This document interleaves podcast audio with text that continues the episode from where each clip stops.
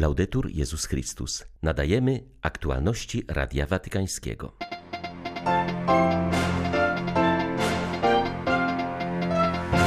Watykan opublikował program papieskiej wizyty w Budapeszcie i na Słowacji. Franciszek będzie tam od 12 do 15 września. Papież modli się za ofiarę zamachu terrorystycznego w Bagdadzie. Z rąk państwa islamskiego zginęło 35 osób, a ponad 60 zostało rannych. Zaostrza się kryzys humanitarny w ogarniętym wojną Jemenie. 80% społeczeństwa potrzebuje pilnej pomocy żywnościowej i medycznej. 21 lipca witają Państwa Krzysztof Bronk i Beata Zajączkowska. Zapraszamy na serwis informacyjny. Papież Franciszek podziękował za bliskość i serdeczność oraz za troskliwą i profesjonalną opiekę, jakiej doświadczył w czasie swego pobytu w szpitalu. Pisze o tym w liście do rektora Katolickiego Uniwersytetu Najświętszego Serca, w ramach którego działa klinika Gemelli, w której przeszedł ostatnio operację. Ojciec Święty wskazuje, że prawdziwa troska o pacjentów wypływa z serca. Ciało Chrystusa, cierpiące w chorych w każdym wieku i stanie, domaga się obecnego i uważnego spojrzenia, zdolnego wzbudzić nadzieję w chwilach trudnych, po to, by spojrzeć w przyszłość, pisze Franciszek, wskazując, że takiego właśnie spojrzenia doświadczył w czasie swej hospitalizacji. Ojciec Święty przeszedł w Gemelli planową operację jelita grubego. Po dziesięciodniowej hospitalizacji powrócił do Watykanu, gdzie kontynuuje rehabilitację.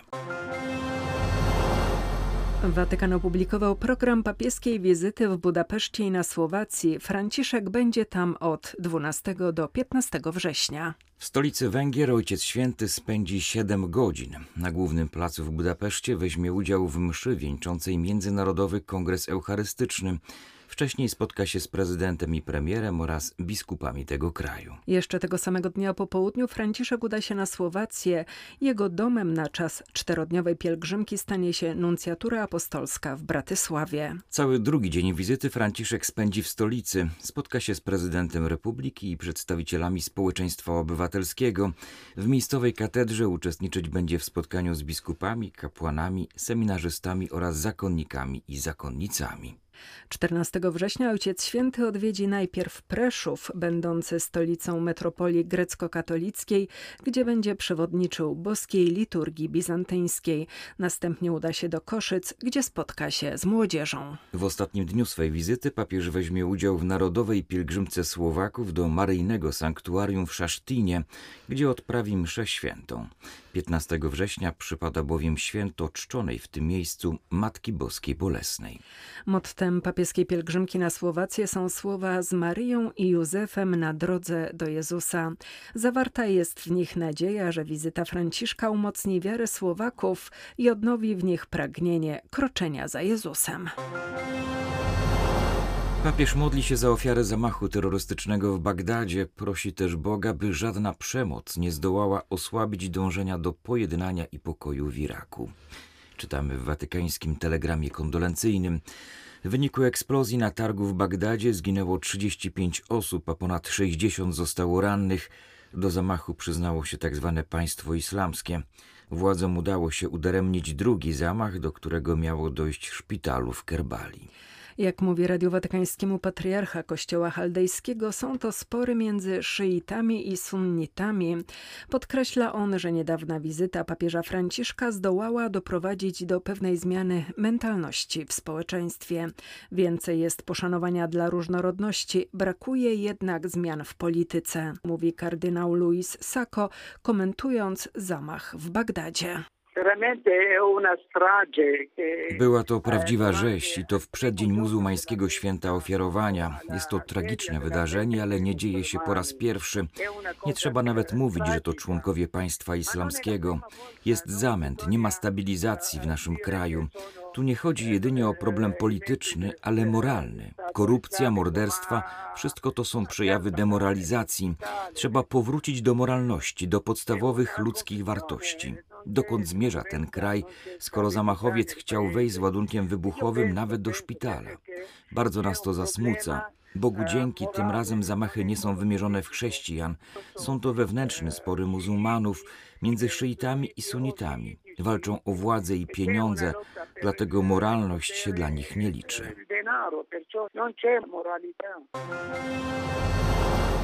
Monako do dziś zachowało katolicyzm jako religię państwową. Można to postrzegać jako anachronizm, ale można też w tym widzieć świadectwo pozytywnej roli Kościoła w społeczeństwie, mówi Radiu Watykańskiemu arcybiskup Dominik Marie David, który stoi na czele Kościoła w tym niewielkim państwie mieście. Świadectwem szczególnej roli katolicyzmu w Monako była trzydniowa wizyta watykańskiego sekretarza stanu. Nasze relacje są z konieczności naznaczone specyfiką instytucjonalną naszego państwa. Nasz kraj jest naznaczony swoją historią i kulturą. Nawet dzisiaj wiele tradycji wskazuje na tę szczęśliwą zbieżność w sprawach wiary. Na głębszym poziomie jest to kwestia aktualizacji tej rzeczywistości państwa, które chciało utrzymać wiarę katolicką jako fundament swojego życia i swoich instytucji, zachowując jednocześnie wolność sumienia. Można bowiem być mieszkańcem Monako, nie będąc katolikiem. Należy zachować tę równowagę, zachęcając jednocześnie, by rzeczywistość ta nie była czysto teoretyczna czy anachroniczna, ale stała się bodźcem dodawania świadectwa. Organizacje pomocowe biją na alarm w sprawie wciąż zaostrzającego się kryzysu humanitarnego w Jemenie.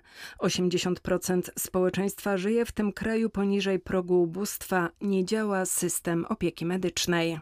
W ciągu ostatnich siedmiu lat wojna w Jemenie kosztowała życie 250 tysięcy osób. Szacuje się, że połowa tych zgonów została spowodowana brakiem żywności i dostępu do najbardziej podstawowych lekarstw. Wspólnota międzynarodowa robi zbyt mało, by zaradzić tej tragedii. Śmierć głodowa zagraża 400 tysiącom jemeńskich dzieci, mówi Simone Garroni z pozarządowej organizacji walczącej z głodem na świecie. Jest to największy w tym wieku kryzys humanitarny na świecie. 16 milionom ludzi dotkliwie brakuje żywności, a ponad 20 milionów potrzebuje natychmiastowej pomocy humanitarnej, co oznacza prawie całą populację tego kraju, który bez pomocy z zewnątrz nie przeżyje. Na coś takiego nie można się godzić. Niesienie wsparcia jest bardzo trudne. Dostarczamy pomoc żywnościową i medyczną, ale trzeba pamiętać, że ponad połowa przychodni i szpitali jest zniszczonych. Zniszczone są też studnie i inne ujęcia wody, stąd dostarczana jest ona w cysternach. Potrzebne są działania, które zagwarantują przestrzeganie międzynarodowego prawa humanitarnego, inaczej wolontariusze nie są w stanie nieść pomocy. Bez międzynarodowych działań dyplomatycznych nie uda się rozwiązać tej sytuacji. W Demokratycznej Republice Konga odzyskała wolność porwana dwa tygodnie temu katolicka zakonnica. Informacje podało działające w tym afrykańskim kraju papieskie Stowarzyszenie Pomoc Kościołowi w Potrzebie. Przypomniano jednocześnie, że wciąż nieznany jest los pięciu kapłanów uprowadzonych przez zbrojne bojówki. Siostra Francine należy do lokalnego zgromadzenia zmartwychwstanek. Została porwana w drodze na targ w Gomie. Jest bardzo przestraszona, ale jej stan zdrowia jest dobry, poinformowano, nie ujawniając szczegółów jej oswobodzenia. Dziewięć lat temu w regionie Butembo-Beniu prowadzono trzech kongijskich zakonników. Mimo ciągłych starań ze strony kościoła nie ma żadnych informacji o tym, gdzie w tej chwili przebywają i czy w ogóle jeszcze żyją. Z kolei cztery lata temu wprost z parafialnego kościoła, w którym sprawowali msze, porwani zostali dwaj kapłani diecezjalni. Wcześniej w tym regionie zamordowano miejscowego księdza, który walczył z łamaniem praw człowieka i szerzącą się biedą. Kongijscy biskupi zwracają uwagę, że ich ojczyzna wciąż jest sceną walk grup rebelianckich, które korzystając z upadku instytucji państwa bezkarnie grabią surowce naturalne tego kraju, pozbywając się jednocześnie niewygodnych świadków swych bezprawnych działań. Stąd na ich celowniku są innymi ludzie Kościoła, walczący o prawdę, sprawiedliwość i lepszy byt dla Kongijczyków. To nie jest czas na wojny, konflikty i wysiedlenia, to czas ratowania życia, stwierdził kardynał Charles Bo, apelując do birmańskich władz, by się opamiętały i pozwoliły na zdecydowaną walkę z koronawirusem. Hierarcha podkreślił, że pandemia wymyka się w tym kraju spod kontroli. Chorzy nie mają dostępu do szpitali, na ulicach stoją długie kolejki ludzi czekających całymi dniami na tlen. Birmański hierarcha stwierdził, że COVID-19 w ostatnich tygodniach z wyjątkową zaciekłością zaatakował ten kraj. Ludzie grzebani są w pośpiechu, na cmentarzach brakuje miejsc. Przypomniał, że w ciągu minionych lat Birmańczycy wylali już zbyt wiele łez. Stąd w obecnej sytuacji należy powstrzymać wszystkie wewnętrzne konflikty. Jedyną wojną, jaką musimy obecnie prowadzić, jest walka z niewidzialnym wirusem, który okazał się niepokonany nawet dla światowych mocarstw, podkreśla w swym apelu kardynał Bo. Wzywa huntę wojskową, która pół roku temu przejęła w tym kraju władzę, by umożliwiła lekarzom dotarcie do cierpiących ludzi, także tych, którzy w obawie o swe życie schronili się w dżungli. Zjednoczeni ratujemy życie, podzieleni pogrzebiemy tysiące, mówił kardynał Bo, podkreślając, że być może ta chwila próby jest wezwaniem dla wszystkich, aby stworzyć wspólnotę, która ostatecznie przyniesie Birmie upragniony pokój i pojednanie. W 2009 roku Kościół katolicki, jego duchowość, ale i liturgia otworzyły się na dziedzictwo, które wyrosło w ciągu minionych 500 lat we wspólnocie anglikańskiej. Decyzją Benedykta XVI ustanowione zostały ordynariaty dla byłych Anglikanów, którzy przyjęli wiarę katolicką. Mają oni własną liturgię, łączącą ryd rzymski z elementami tradycji anglikańskiej, a także własne duchowieństwo. W większości byłych pastorów, którzy po odpowiedniej formacji przyjęli święcenia w kościele katolickim. Jednym z najmłodszych kapłanów ordynariatu dla byłych Anglikanów w Stanach Zjednoczonych jest ksiądz Stephen Hilgendorf. Jak sam wyznaje, do wiary katolickiej doprowadziła go lektura ojców Kościoła, a także katechizmu Kościoła katolickiego i innych tekstów magisterium. W 2017 roku wraz z żoną przyjął wiarę katolicką, a że przestał być pastorem, stracił też środki na utrzymanie rodziny. Zaczął ubiegać się o kapłaństwo w ordynariacie dla byłych Anglikanów, ale na dopuszczenie do formacji musiał poczekać dwa lata. Dziś wspomina, że w pierwszych miesiącach po konwersji, kiedy był bezrobotnym, pomocną dłoń znalazł zarówno w swej dawnej anglikańskiej wspólnocie, jak i w nowej parafii u zwyczajnych wiernych, którzy wręczali mu koperty z drobną pomocą dla dzieci. Z czasem znalazł dorywczą pracę jako malarz i kościelny. W tym roku 29 czerwca przyjął święcenia. Teraz wraz z żoną i trójką dzieci przenosi się do Omachy, gdzie będzie posługiwał zarówno w kościele ordynariatu, jak i w normalnej diecezjalnej parafii. 20 lipca 1221 roku biskup Maurycy położył kamień węgielny pod przyszłą katedrę w Burgos.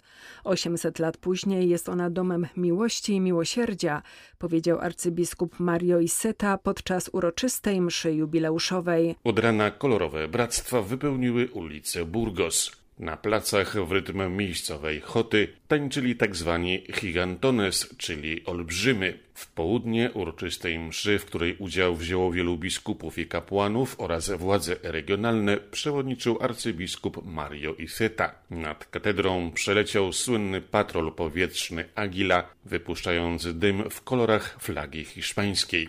Natomiast wieczorem odbył się pokaz sztucznych ogni, które oświeciły zabytkową katedrę. Katedra jest czymś więcej niż zwykłym budynkiem. Jest owocem marzeń milionów ludzi i elementem łączącym mieszkańców miasta, powiedział arcybiskup Mario Iseta z Madrytu dla Radia Watykańskiego ojciec Marek Raczkiewicz, redemptorysta. Były to aktualności Radia Watykańskiego. Laudetur Jezus Chrystus.